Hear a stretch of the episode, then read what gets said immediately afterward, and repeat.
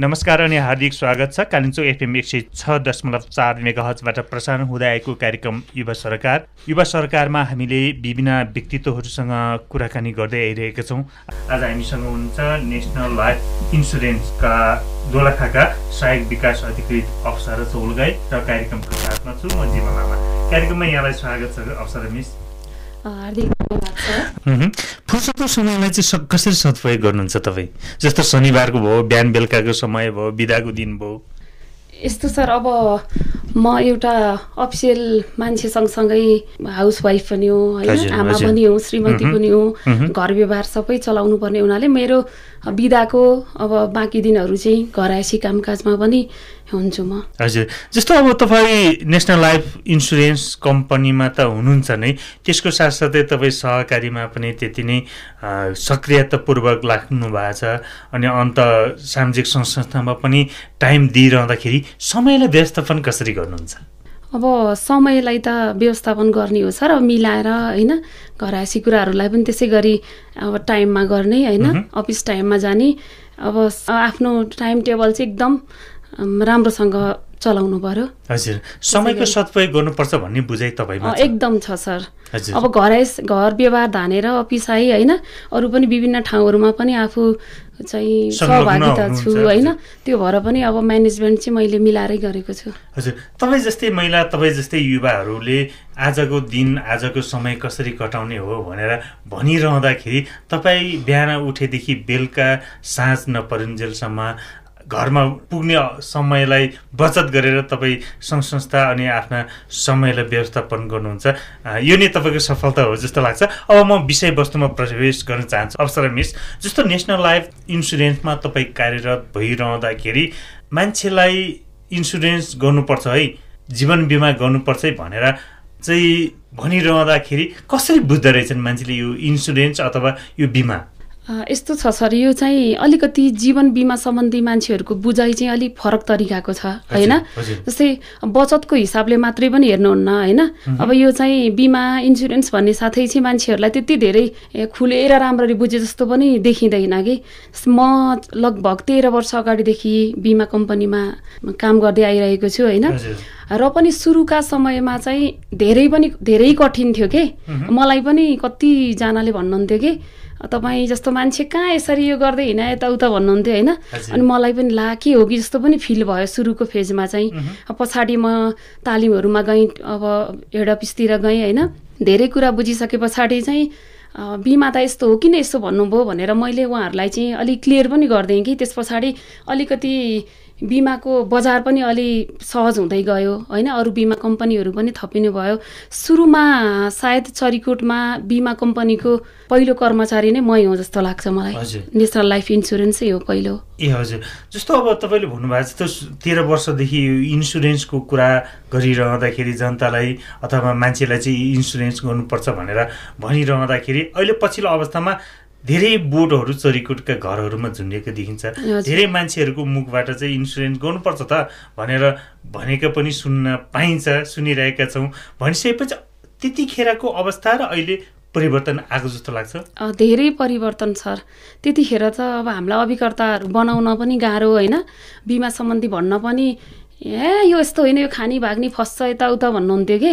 अब अहिले चाहिँ जति धेरै बजार सहज हुँदै गयो त्यति धेरै चाहिँ बिमा क्षेत्र पनि अलिकति अगाडि बढ्दै गएको महसुस भएको छ सर। उहाँहरूलाई बुझाउनै पर्छ कि अथवा तपाईँहरूको कार्यालयमा तपाईँहरूलाई भेटेर म इन्सुरेन्स गर्छु अथवा मैले इन्सुरेन्स गर्नको लागि चाहिँ के के कागजात चाहिन्छ अथवा मैले के गर्नुपर्छ भनेर उहाँहरू आउनुहुन्छ? यस्तो हुन्छ सर? यो चाहिँ अब धेरै चाहिँ अफिसमा म बिमा गर्छु भनेर धेरै म, जना चाहिँ आउनुहुन्न त्यसरी होइन। अब केही मान्छे चाहिँ अहिले पछिल्लो समयमा बच्चा जन्मिसकेपछि अब मेरो बच्चाको फ्युचरको लागि सेभिङ गर्नुपर्छ अथवा रिक्स कभरको लागि भनेर चाहिँ आउनुहुन्छ होइन? तर अधिकांश चाहिँ हाम्रो अभिकर्ता मार्फत नै हुन्छ। सामान्य भाषामा भनिदिनुहोस् न अवसर मिस। जो जसले हाम्रो यो कुराकानी सुनेर यो कार्यक्रम सुनेर आहा मैले इन्सुरेन्स गर्नुपर्ने छ मेरो चाहिँ यो अवस्थामा पुइसकेर चाहिँ त्यस कारण म इन्सुरेन्स गर्छु है भनेर मान्छेको बुझाइ त्यसरी परिवर्तन होस् कि तपाईँको परिभाषा तपाईँको बुझाइको हिसाबले? सबभन्दा पहिला त जीवन बिमा अनिवार्य नै हो होइन? जीवन बिमा गर्दाखेरि सबभन्दा पहिलो कुरा बचत हो। सेभिङ रिक्स कभर हामीलाई बाहिर वे कुनै घटना भइहालेको खण्डमा बिमा कम्पनीले जोखिम वहन गर्यो। अब यदि केही नभएको खण्डमा चाहिँ हामीले चाहिँ भविष्यको लागि चाहिँ यो भविष्यको आर्थिक सहारा हो। बचत भनेको। त्यही भएर बिमा कम्पनी कहिल्यै पनि अब खानी भाग्ने फस्ने हराउने इतिहासमा हुँदैन। होइन? अब केही एका दुई एजेन्टहरू अभिकर्ताहरूले समयमा अफिसमा पैसा नल्याउनु होला ती एक दुईवटा समस्याहरू देखिराखेका छन् बजारमा सुन्निएका पनि छन्।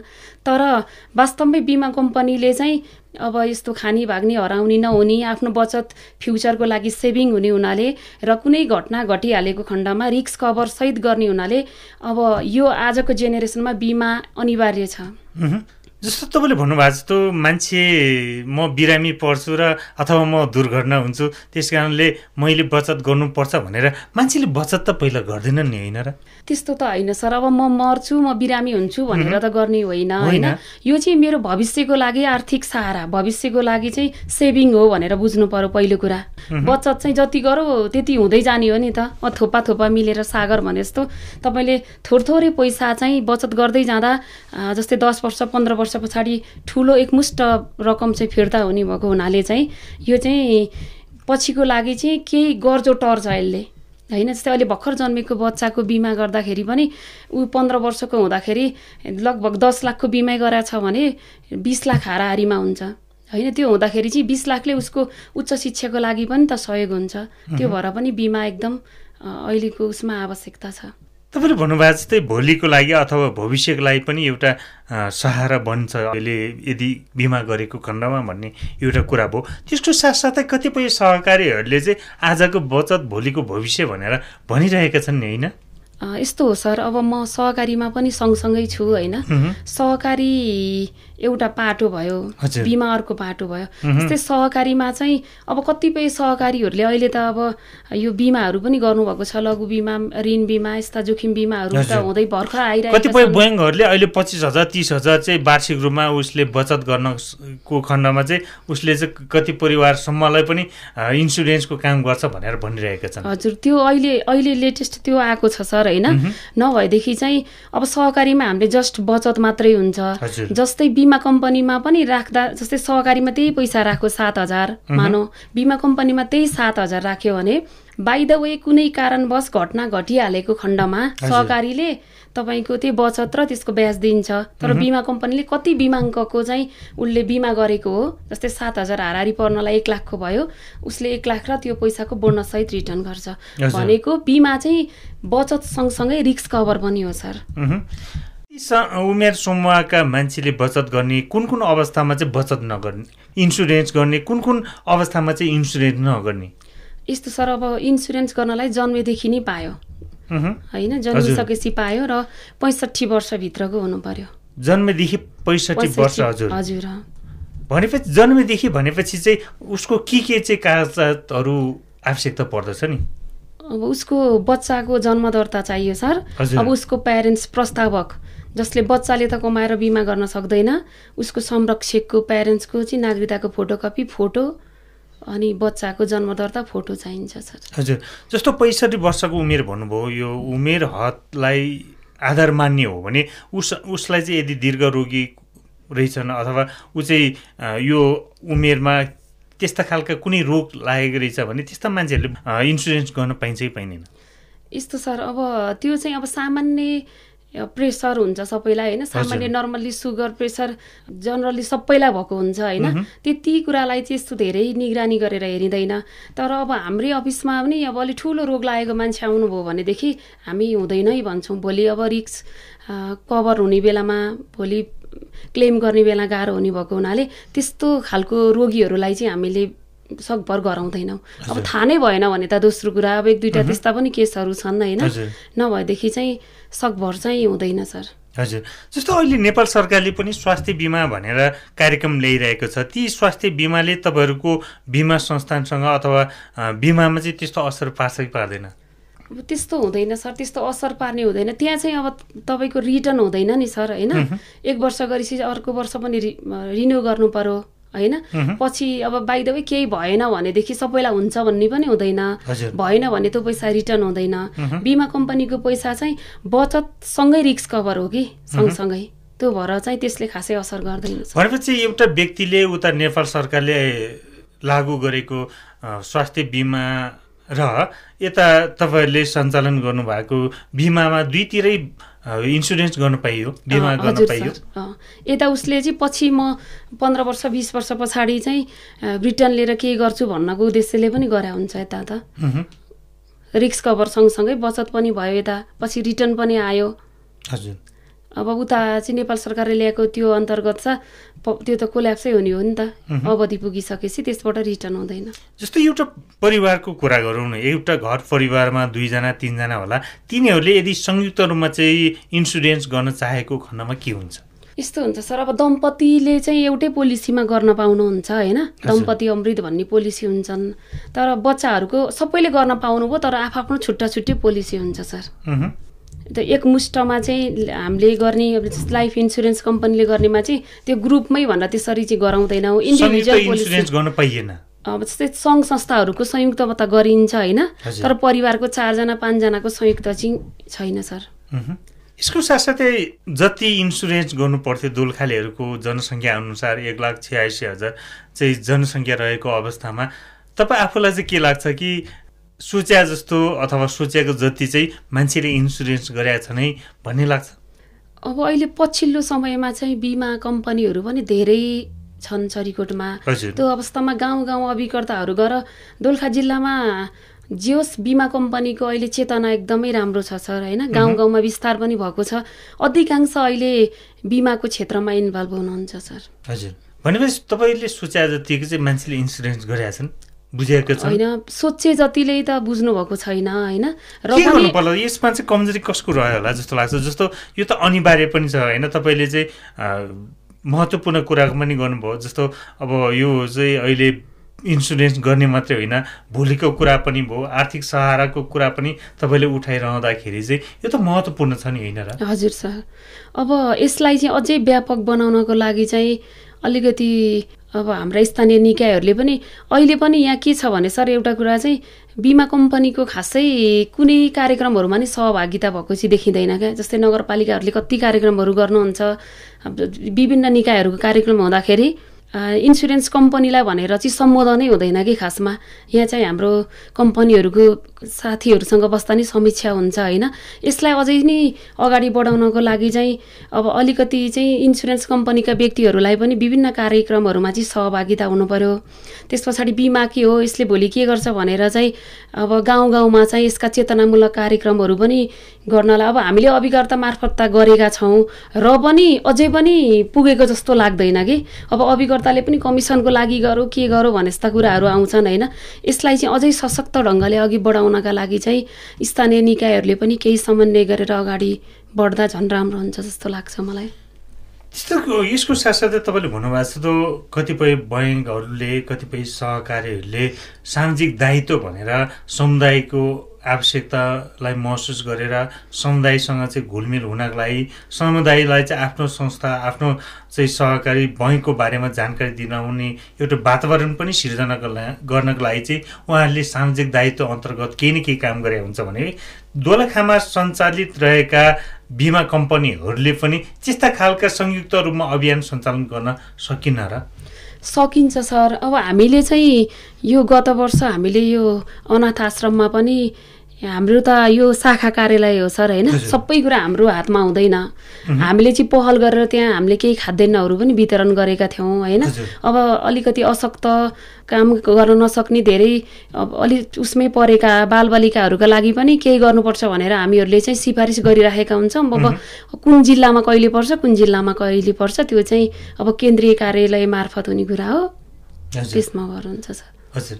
यसको साथसाथै अलिकति चुनौतीको विषयमा पनि प्रवेश गरौँ अवसर मिस जस्तो बचत गर्ने बेला अथवा बिमा गर्ने बेला सुरुमा जति सजिलो छ पछि यसको भुक्तानी लिने प्रक्रिया चाहिँ धेरै अप्ठ्यारो छ है। आफ्नो मान्छेले मात्र हेर्छ नै भनेर चाहिँ व्यापक गुनासो सुन्नु परेको छ। यो वास्तविकमा के हो रहेछ त्यस्तो वास्तवमा चाहिँ होइन सर तर के हुन्छ भने तपाईँको डकुमेन्टहरू चाहिँ पुगेन भनेदेखि चाहिँ क्लेम हुन गाह्रो हुन्छ। उहाँहरूलाई सुरुमा बिमा गर्ने बेला नै उहाँहरूलाई यो डकुमेन्ट चाहिँ तिम्रो पछि पुरा भइसकेमा भइसकेपछि मात्रै भुक्तानी पाउँछ भनेर उहाँहरूलाई जानकारी हुँदैन। हुन्छ सर हिजो मात्रै मैले यो पोखराबाट गर्नुभएको रहेछ। सायद यहाँ सशस्त्रपट्टि पट्टिको डिएसपी साहब हो कि को हुनुहुन्छ? मैले ठ्याक्कै याद चाहिँ भएन।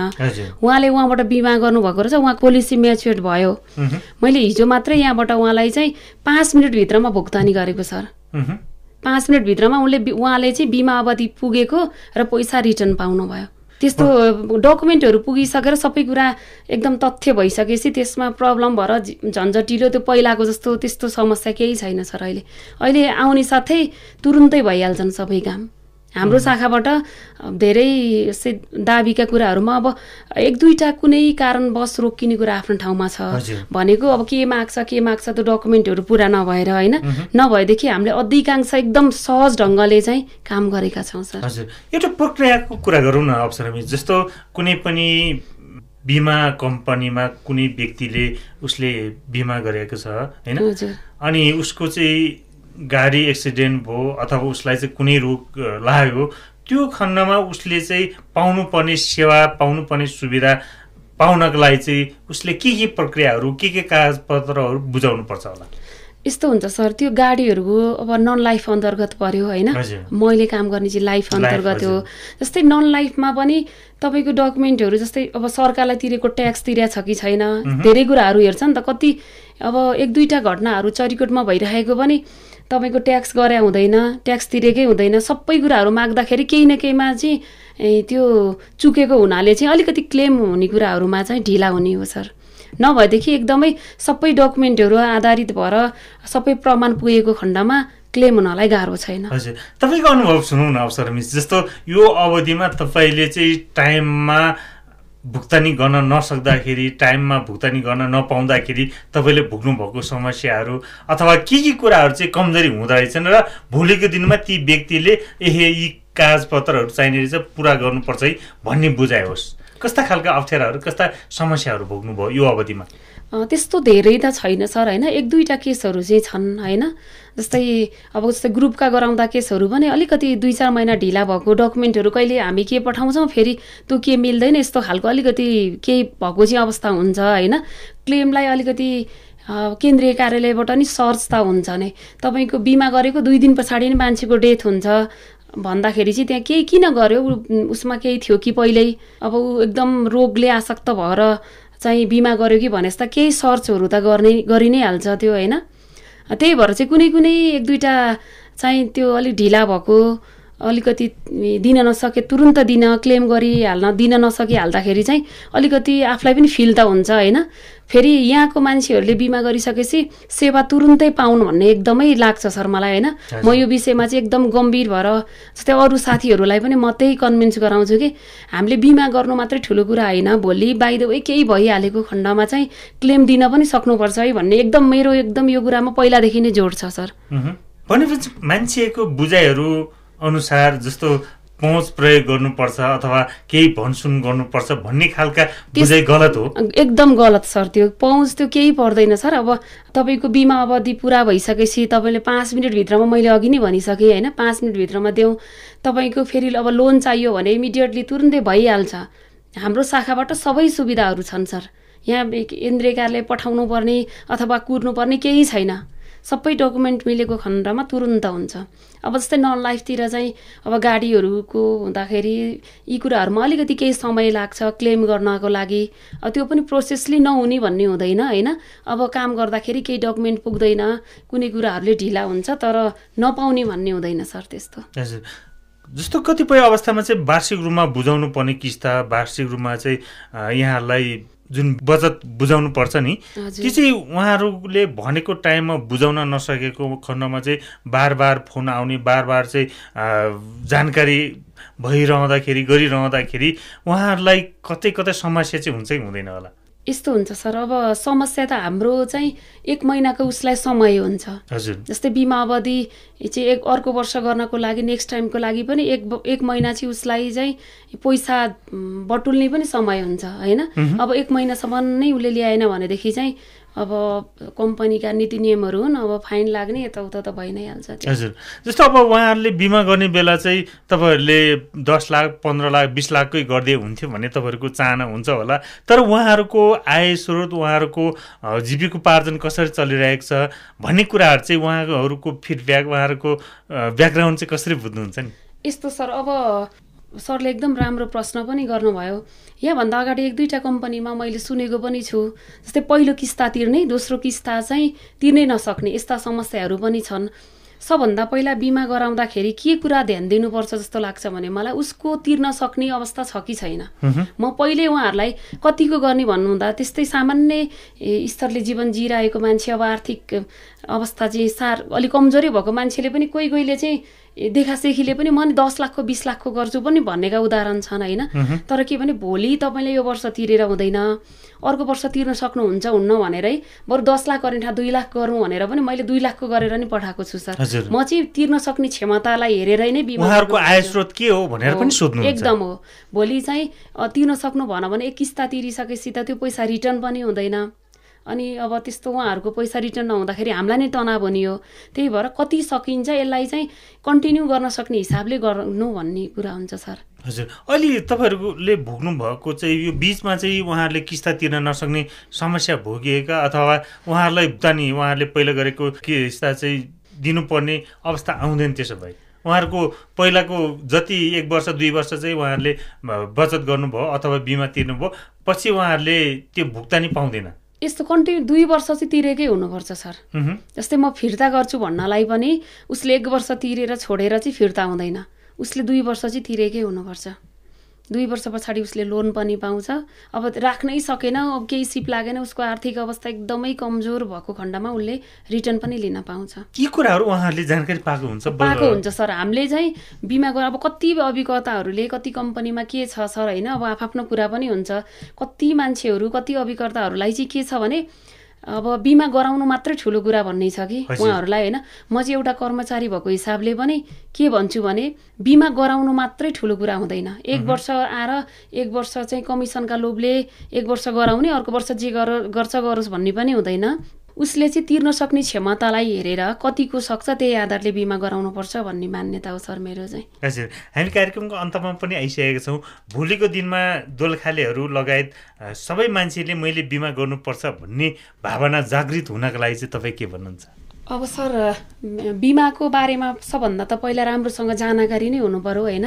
अहिले पनि कति मान्छेहरूलाई चाहिँ बिमाको बिमा सम्बन्धी अब चेतनै भनौँ न बुझाइ नै कम छ सर होइन? यसको लागि चाहिँ अलिकति राम्रोसँग बिमा कम्पनीहरू बुझेर बिमा भनेको के हो बुझेर रिक्स कभरहरू सबै कुरा समन्वय गरेर बुझ्यौँ भनेदेखि भोलि हामीलाई कुनै त्यस्ता भवितव्य परिहालेको खण्डमा अनि जस्तै ठुला रोगहरू लागेको खण्डमा पनि बिमा कम्पनीले चाहिँ रिक्स कभर गर्छ। हजुर। अफसल मिस यहाँले आफ्नो महत्त्वपूर्ण समय र विचार दिनुभयो। यहाँलाई धन्यवाद छ। सर हजुरलाई पनि धेरै धेरै धन्यवाद। मलाई यहाँ आफ्ना केही कुराहरू राख्ने मौका दिनुभयो। यहाँहरूलाई धेरै धेरै धन्यवाद। कार्यक्रम युवा सरकार आजलाई यति नै। यतिन्जेलसम्म रेडियो सुनेर साथ दिनुहुने तपाईँ सम्पूर्ण श्रोतालाई धन्यवाद र प्राविधिक मित्र प्रजयलाई धन्यवाद दिँदै कार्यक्रम सञ्चालक म जीवन पनि बिदा चाहन्छु। कालिम्पोङ एफएम सुन्दै रहनुहोला। नमस्कार।